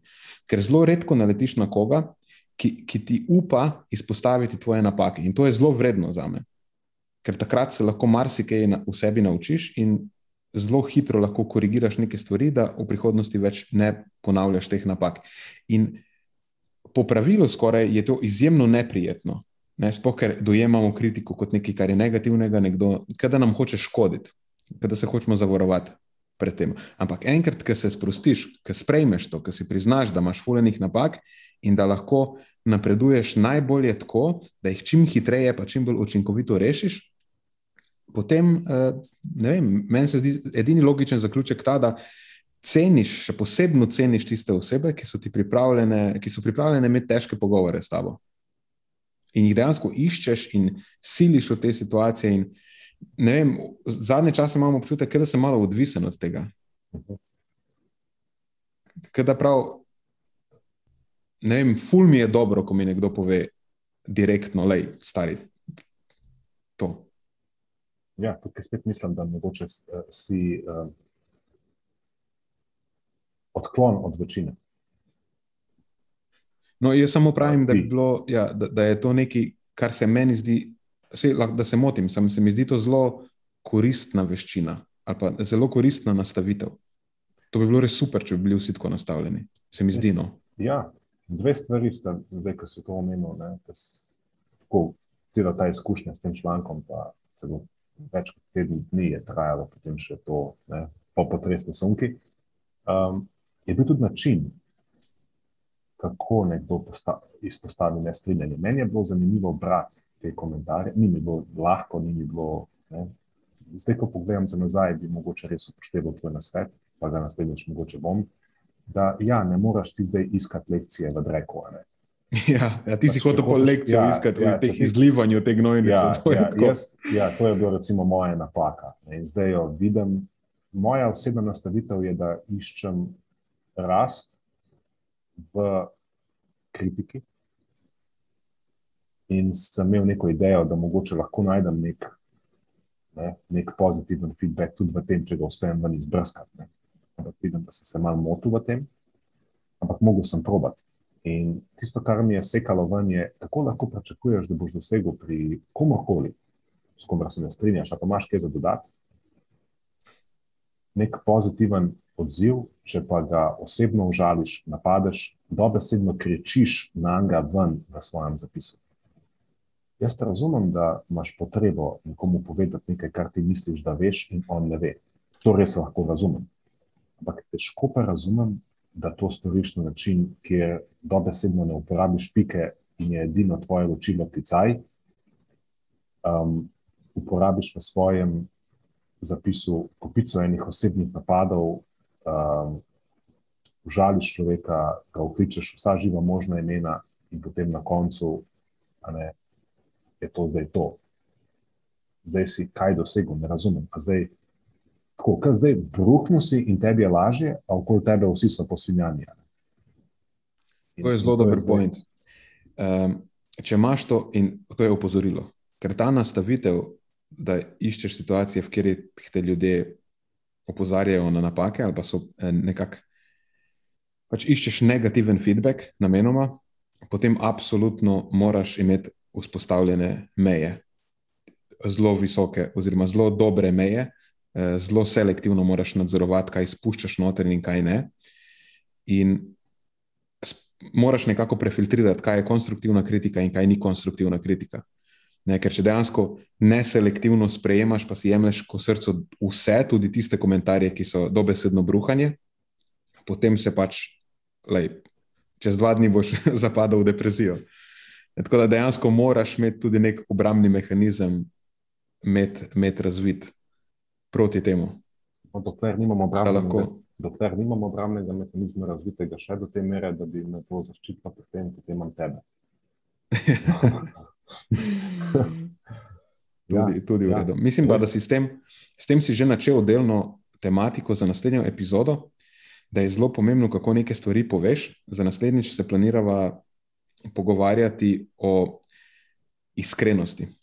Ker se nam zdi, v bistvu se tebi se je to zazdelo, oziroma ti si vzpostavil eno tako zanimivo tezo, hipotezo o tem, da večina ljudi danes sploh ne razume, kaj iskrenost pomeni, pa si jo strašno narobe interpretira. In so potem nekako skupaj prišla do zaključka, da ljudje ne ločijo med direktnostjo in iskrenostjo. Pa bo to enkrat razdelala, oziroma ja. ne enkrat, ampak naslednjič. Ja, to se mi zdi eden izmed mogočnejših uvidov v tem letu. Upoštevajoč, ja. upoštevajoč celotno situacijo in vezano na ne, družbeno, družbeno stanje, kot tudi stanje pri prehranju in nasplošno komunikacijo. Ja, tudi meni je poklopilo fulejnih stvari, tako prav razsvetljenje mi je bilo na, na nek način. Ker se mi zdi to Sploh nis, nisem prej nikoli artikuliral tega na ta način. Je nekaj, kar razumem v principu, ampak eh, takrat si mi ti res odartikuliral to in se so stvari poklopile, tako res tisto. Res dober feeling. To je bil zelo, zelo dober intro oziroma teaser za naslednji. Ja, ja, ja, tako je. Sicer imam še eno stvar za povedati, kar se tiče nekih nijans eh, glede okoljevarstva, ampak ja, načeloma ja, ja. je to že se smatra kot teaser za naslednjo tako. epizodo. Hotel sem samo dodati še to, da to, da mi razumemo, kaj iskrenost pomeni, se mi zdi, da je zelo, zelo pomembno v procesu coachinga, pa pa dela z ljudmi, nekje v procesu, kjerem koli procesu, kjer vodiš ljudi skozi nekaj ali pa probaš doseči nek dober učinek za njih. Se mi zdi, da je zelo dobro treba ločiti med iskrenostjo in direktnostjo. Ja.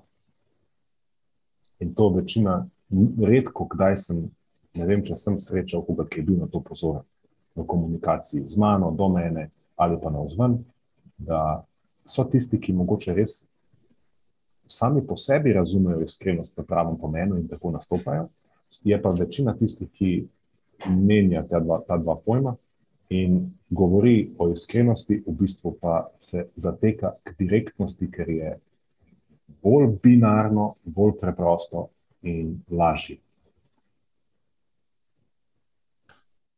Um, ja. Tako da ti lahko, ne rekel si, da imaš še nekaj za dodati o. Um, ja, ja, ja. hotel sem se dotakniti še samo tega, uh, ko se pogovarjamo o prehrani, pa nas zanima okoljevarstvo in tako naprej. Uh, pojavljajo se te zadnje čase stvari, ki jih je popularno reči. Ne vem, kaj je bilo v preteklosti, ampak danes je recimo, da lokalno je vedno boljše ali pa da je plastificirano je vedno slabše. Neke te spet površne razlage. In uh, sicer ne vem, kaj je res in kaj ni. Samo razmišljam o teh stvareh in bi se dotaknil najprej tega lokalnega. Pa mogoče potem samo zato, da vzpodbudim še koga drugega, da tako razmišlja. Jaz ne vem, če je lokalno boljše ali ni. Samo razumem pa, da obstajajo nijanse. Vidim verjetnost, da je bolj učinkovito jesti maline iz Čileja kot maline iz lokalne kmetije. Ne? Recimo, da so maline v Čileju, da je tam boljše podnebje, da je tam boljša prst, neki drugi pogoji in da jih je lažje pridelati, bolj učinkovito in da je vse skupaj precej manj obremenjujoče okolje.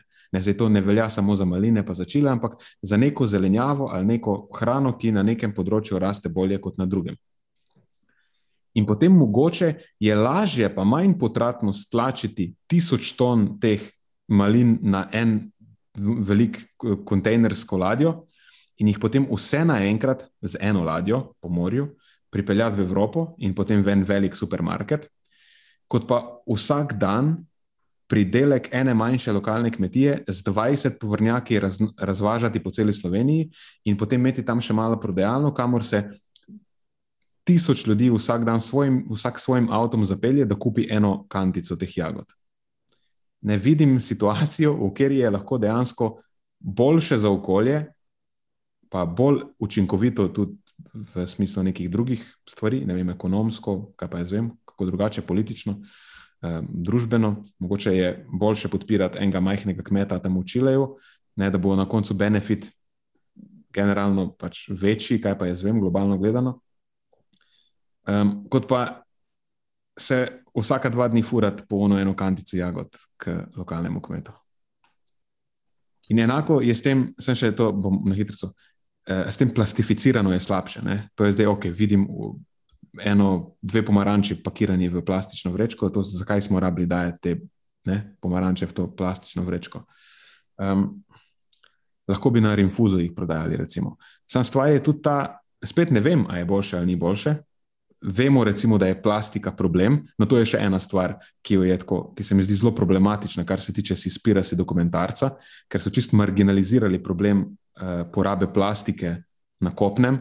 Nekako so probali narediti argument, da je večina plastike ali pa večina onesnaženja tega plastičnega v morjih danes na račun ribiške opreme, kar je sam narobe, ker je 80% nekje približno, se mi zdi, eh, plastike, ki se trenutno ali pa v sodobnem času odvrže v morje eh, nekega kopenskega izvora, ampak pustimo to. Razumem, da je plastika problem, ampak še vseeno se sprašujem, ali ni bolj učinkovito zapakirati neke stvari v plastiko, ker vemo, da pri živilih, ki se prodajajo na rinfuzo, so ogromne izgube, tako pač hrana pada stran, potlači se, izpostavljena je okoljskim vplivom, drugače se kontaminira, pa je treba stvari vrsti stran. Ne, dočim, če so stvari v plastiko dane, pa nekako smiselno, ne, da zdaj ni res, da se čist vsaka stvar daje v plastiko, pa nekaj ulupljen, ena ulupljena banana, vsaka svoja embalaža. Ampak če so smiselno plastificirane, rečemo temu, pa z nekim načrtom, da potem se ne mečejo stran, lej, lahko se na ta račun izguba celo minimizira in potem upraviči uporabo neke embalaže, ki niti ni nujno, da je plastična. Tako da to je samo nekak povod, da razmišljamo o tem, kako dejansko kompleksna je kako kompleksen je vpliv prehrane na, na okolje. In kar se mene tiče, jaz nimam pozicij. Jaz ne vem, kaj je boljše, ali plastificirano, ali ni, ali lokalno, ali ni. In potem pač v luči tega, da ne vem in da noben ne ve, upoštevam to, kot delam izbire prehranske. To, kar si zdaj povedal, se mi zdi, da je res dober primer tega, kar sem imel v mislih, ko sem v članku za to. Uh, in rekel, da bi bilo za nas zelo koristno, po mojem mnenju, da bi se zavedali po defaultu, da nismo tako pametni, kot mislimo, da smo. Um, in da mogoče poskušamo za razliko od binarnega razmišljanja, torej od razmišljanja, kjer obstaja pač samo en pa, e, eno, ena rešitev, pa druga rešitev, in pa se mi za eno odločimo, primer. Plastika je samo dobra ali slaba, lokalno je vedno boljše in ne, uvoženo slabše. Prav, to je primer binarnega razmišljanja. Jaz razumem, da ima to prednosti, da pač to boš ti znal, ne, kot nekdo, ki ga delo možganov toliko bolj zanima razložiti, zakaj naši možgani na tak, na tak način razmišljanja morda celo preferirajo. Uh, ampak mislim, da nas lahko res vodi v napačne zaključke in to, kar se zdaj povedal, je bil odličen primer.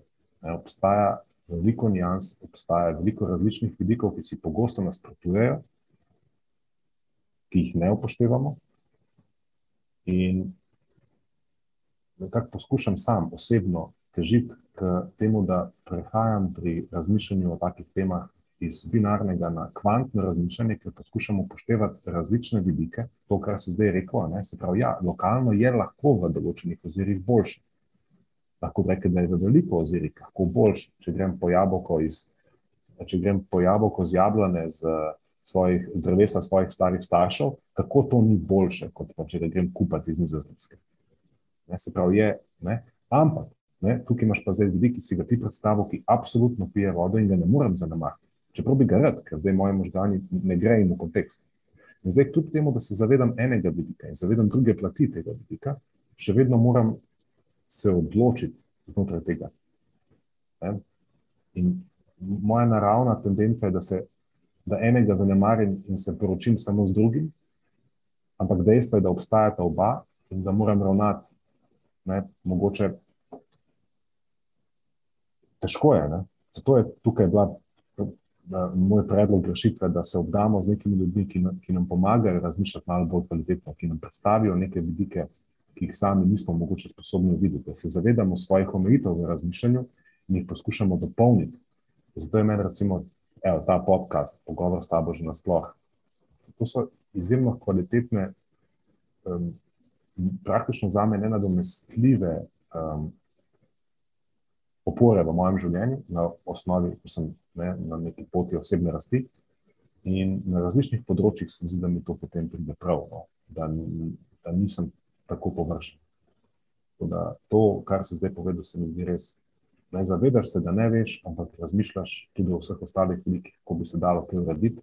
In sam ne, si že izpostavil, vsaj meni, če ne že v podkastu, da so določene prakse, um, kmetijske prakse, pri nas, poljedelske prakse, pri nas, mogoče malo zaostale in zato ne tako učinkovite, kot bi lahko bile, in bi jih bilo smiselno ali posodobiti, ne, ali pa pridobivati um, ne, živila, tudi če od drugot, pa da se oceni pač nek net benefit ne, na koncu. Pa sem v redu povzel. Ja, meni se zdi super povzetek. Eno stvar sem pa sam se spomnil, njenati o čemer smo govorili še včeraj v telovadnici, uh mhm. -huh. ko smo se pripravili na ta podcast in smo oba tako rekli, da ja, je itak.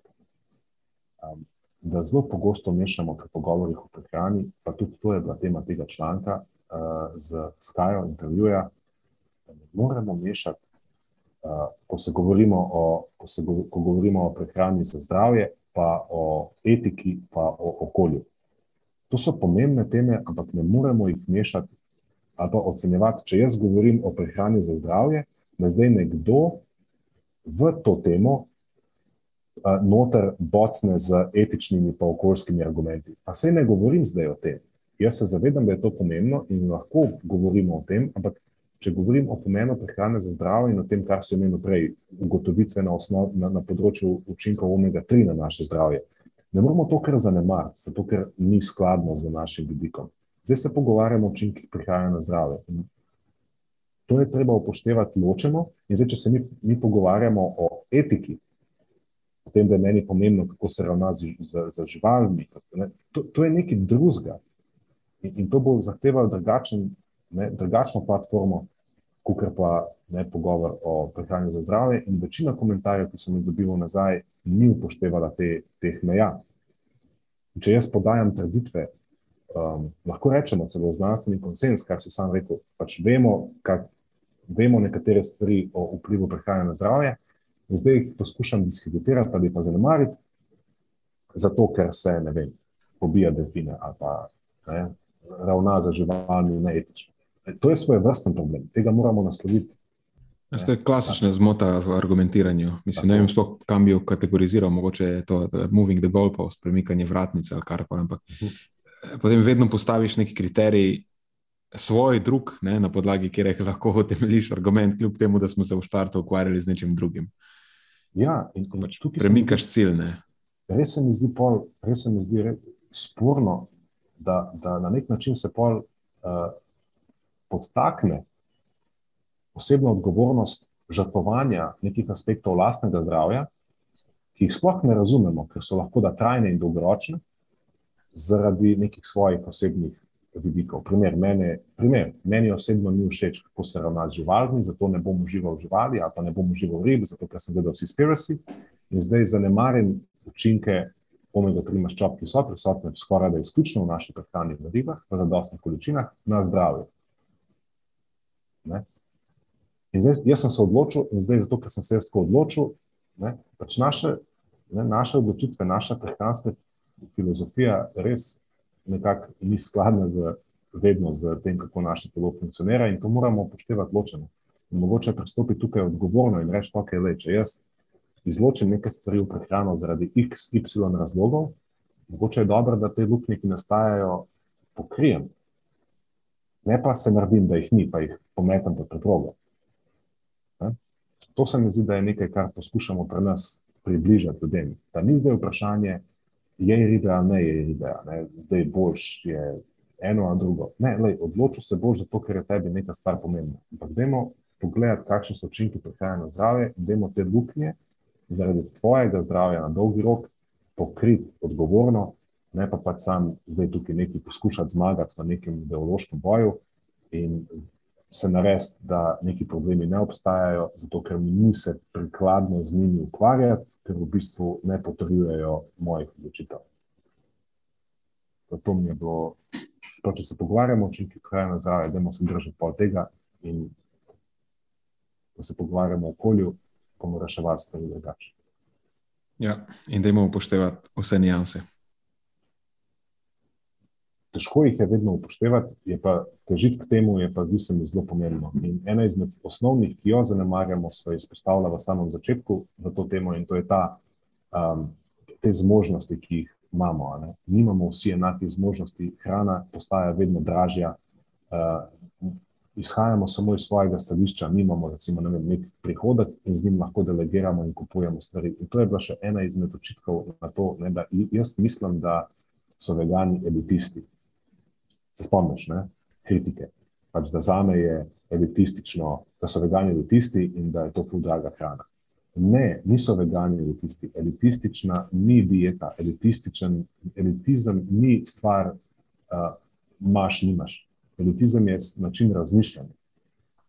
Ja, je pa dejstvo, da so te stvari drage.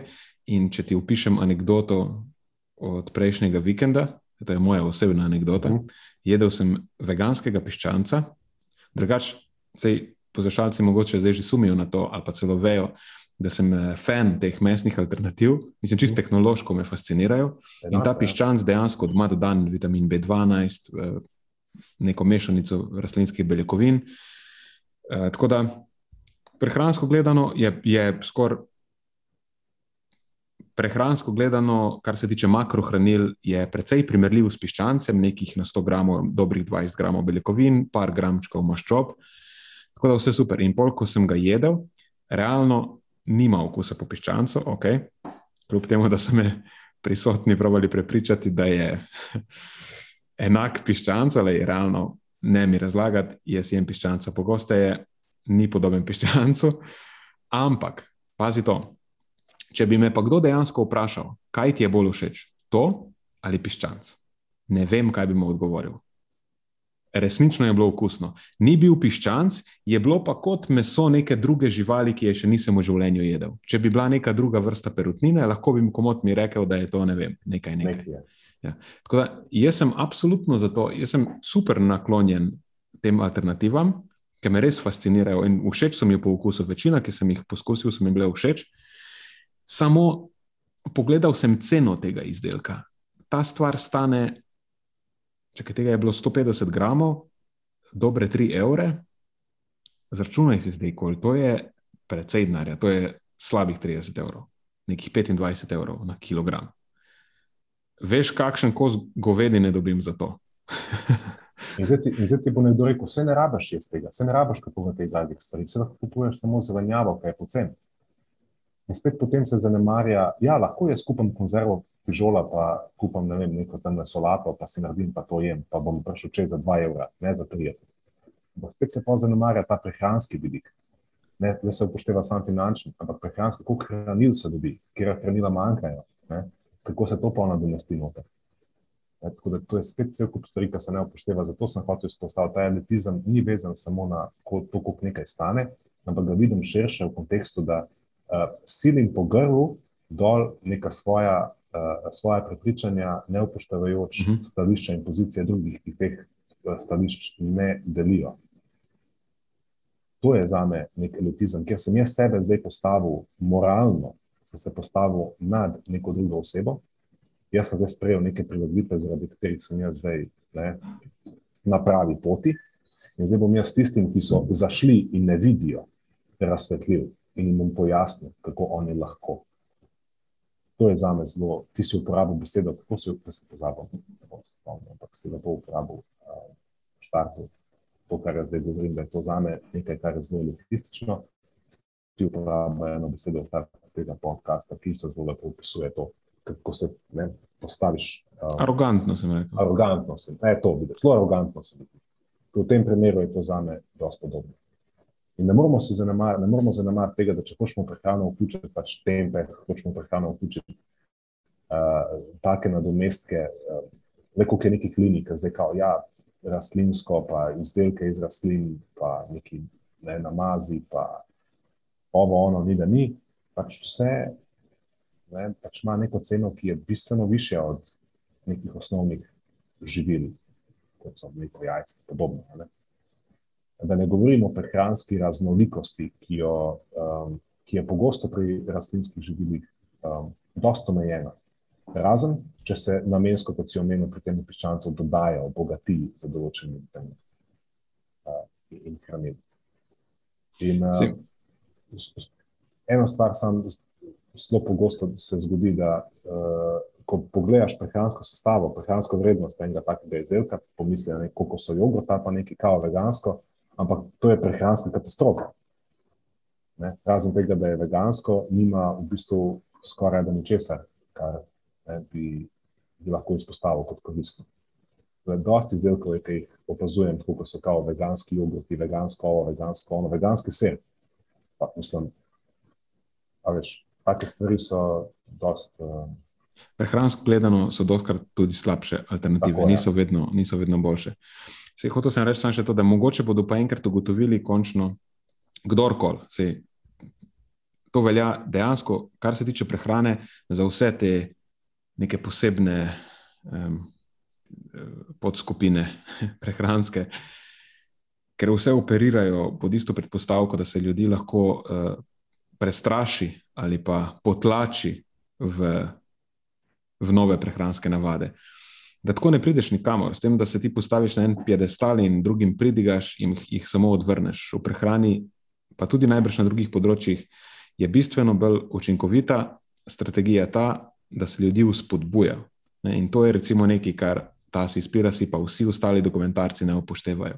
Vsi bi nekaj strašili, vsi bi nekaj ljudem razlagali, kako je tako boljše, in dejansko potem tudi tiste, ki se malo trudijo v boljši smeri, kot so te, pa ne samo malo, ker tukaj v tem primeru dejansko veliko prispevajo, razne nevladne organizacije, ki si prizadevajo, da bi bile stvari boljše, potlačijo še njih, kačeš, niste zadosti dobri, ne dosegate naših najvišjih možnih standardov, pejte vsi nekam, delajte tako, kot mi delamo.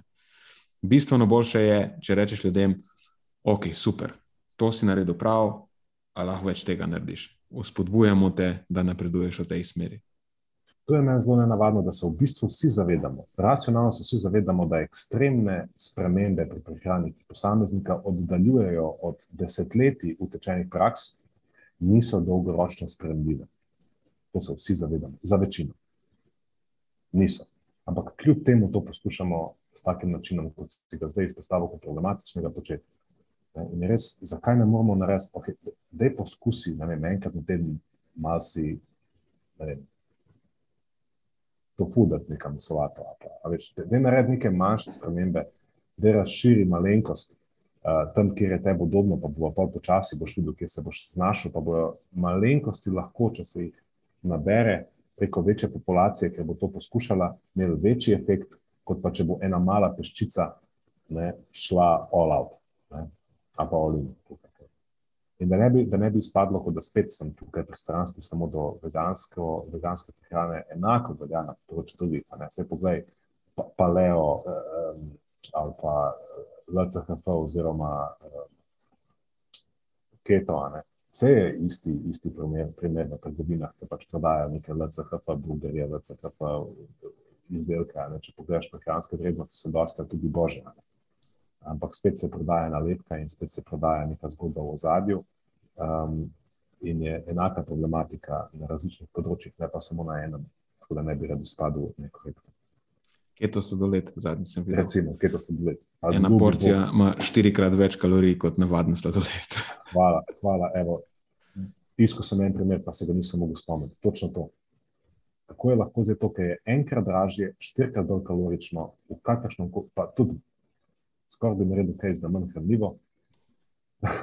mislim, manj prehransko ugodno je zihar, ker je, dobiš v 100 gramih tega sladoleda, mislim, da je bilo nekih 40 gramov uh, nasičenih maščob ali nekaj takega. Kako mi lahko argumentira nekdo, da je to boljša izbira v kakršnem koli prehranskem oziru, zdravstvenem oziru, kjer koli oziru? Da je res, um, res uganka, no, kako se lahko. Uh, ampak dobro, sej to se že, to se že spravo na rešitev. Ja, mislim, da zdaj se že malo ponavlja. Po mojem je čas, da mi dva potegnemo črto in zaključiva to. Ja. Drugač pa mislim, da lahko na tej točki tudi narediva uvod v naslednjo epizodo, ki jo bomo posneli skupaj z Matjažem in se bomo pogovarjali točno o tem, o praktičnih vidikih veganstva, o tem, kako se ločijo. Različne podskupine teh veganov, o tem, kakšne so dejansko izbire, kako bi lahko izboljšali ne pozicijo glih veganov pri nas, ampak kako bi lahko naredili izbire take, da bi bolj uspodbujale tudi navadne ljudi k temu, da posegajo več po živilih rastlinskega izvora, da bi dejansko nekako ljudje samo inicijativno začeli razmišljati o tem, kako lahko mogoče res omejijo svojo konzumacijo eh, živil živalskega izvora ali pa nasplošno živil, ki so manj prehransko ugodna pa začnejo delati boljše izbire ali pa pač vključevati več rastlinskih živil v svojo prehrano. Ker realno, sej, če smo čisti iskreni, v sodobnem svetu trenutno bi lahko minimizirali malo svojo konzumacijo mesa, dejansko ga pojemo preveč. Um, tudi oblike, v katerih ga jemo, so ponavadi precej manj idealne, ampak pustimo to, da se ne zapletam v to. Um, in drži, da z glih pogovarjali smo se o tem, da ko pridemo z Matjažem v restauracijo, če lahko njega izpostavim, ker je pač anekdota. On doskrat nima tam kaj pametnega izbrati, pa spoh ni vegan. Ampak dejansko so zelo omejene opcije, ki so brezmesne. In če bi bile opcije boljše, verjemi, da bi tudi jaz pogosto izbral kaj, kar pač ja.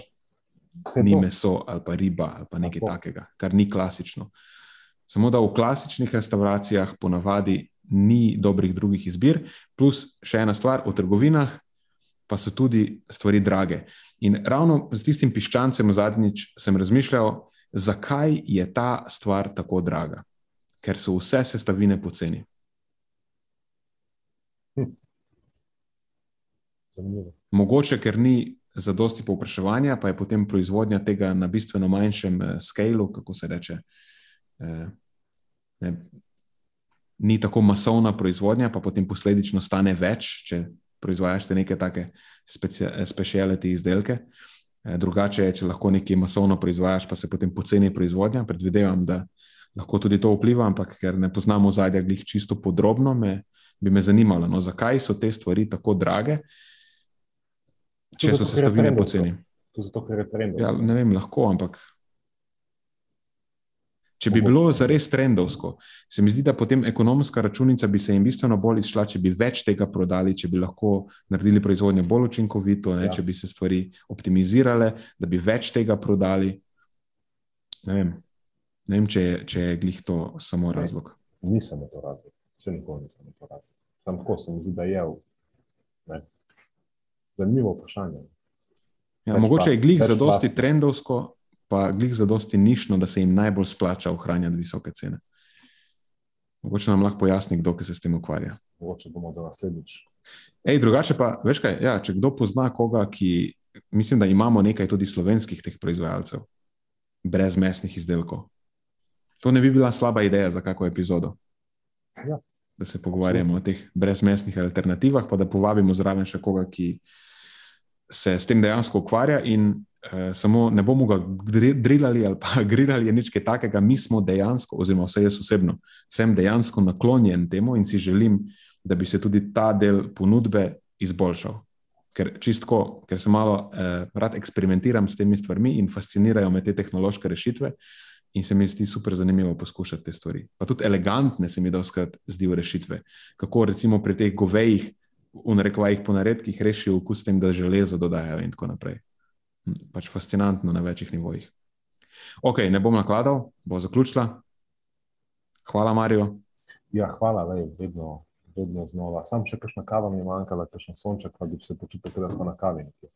A dobro, ja, ti imaš svoje pokolo. Tim Coca-Cola. Ja, hvala, Marijo. Hvala vsem, ki ste poslušali. Eh, hvala vsem, ki nas spremljate in podpirate. To je to z najne strani. Se slišimo prihodnič, do takrat pa, kaj pravimo, ostanite premišljeni.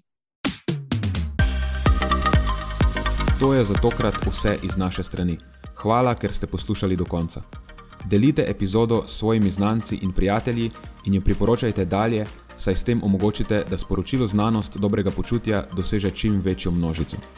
Hvala vsem, ki nas podpirate s članarino in tudi vsem ostalim, ki delite podcast dalje in nam izkazujete naklonjenost z visokimi ocenami in pozitivnimi komentarji.